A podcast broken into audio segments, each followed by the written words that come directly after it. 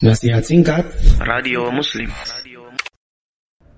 Anna Nabi sallallahu alaihi wasallam ada orang yang bertanya kepada Nabi sallallahu alaihi wasallam. Apa isi pertanyaannya? Ayyul kasbi atyab. Al-kasab. Al-kasab apakah yang paling tayyib? Yang dimaksud dengan al-kasbu, al-kasbu itu artinya hasil kerja. Hasil dari kerja. Ayul kasbi atyab. Hasil kerja apakah yang paling tayyib? Hasil kerja apakah yang paling tayyib? Berarti yang ditanya di sini pekerjaan atau hasilnya? Yang ditanya hasilnya. Kemudian Nabi Shallallahu Alaihi Wasallam menjawab sumber hasilnya. Beliau ditanya tentang hasil, beliau menjawab dengan sumber hasilnya. Hasil apakah yang paling tayyib? Dan beliau memberikan jawaban dengan sumber hasilnya.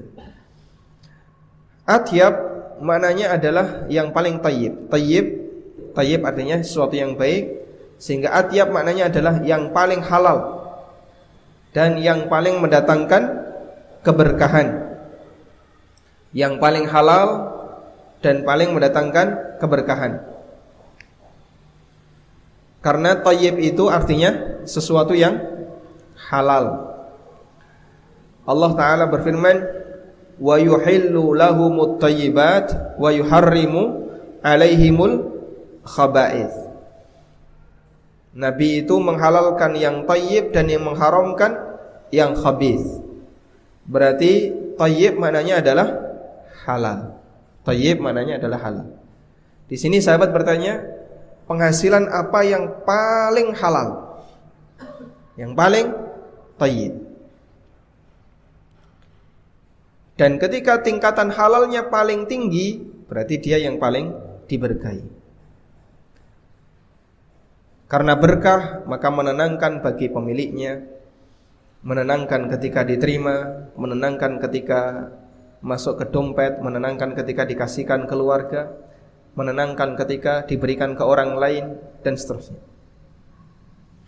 Kemudian Rasulullah sallallahu alaihi wasallam mengatakan amalur rajul biyadihi. Beliau menjawab ada dua penghasilan yang paling tayyib. Pertama, hasil kerja seseorang dari tangannya. Yang kedua, wa kullu mabrur hasil keuntungan dari jual beli yang mabrur.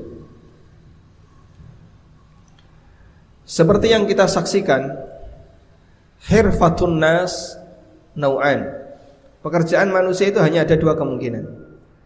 Hirfatun nas nau'an. Pekerjaan manusia hanya ada dua kemungkinan.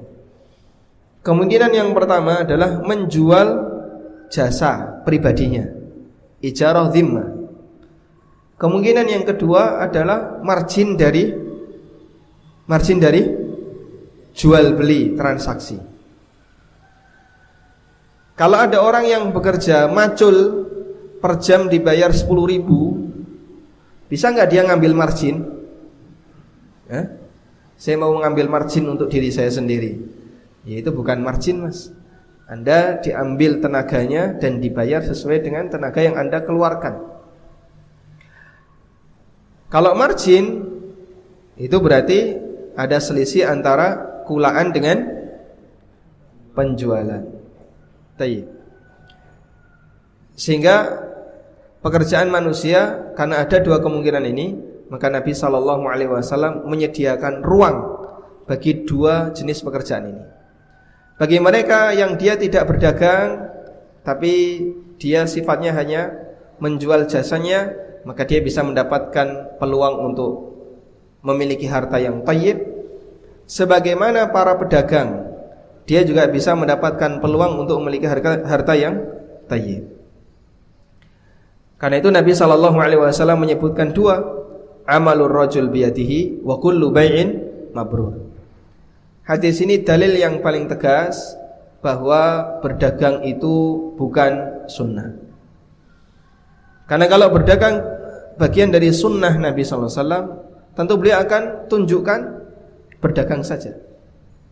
Tentu beliau akan arahkan beliau akan arahkan hanya berdagang ngambil margin dari transaksi jual beli itulah yang paling tayyib.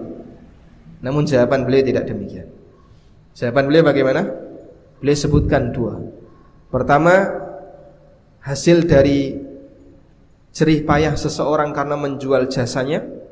Yang kedua, yang kedua, margin dari bisnis yang sesuai dengan atau bisnis yang tidak melanggar aturan syariat.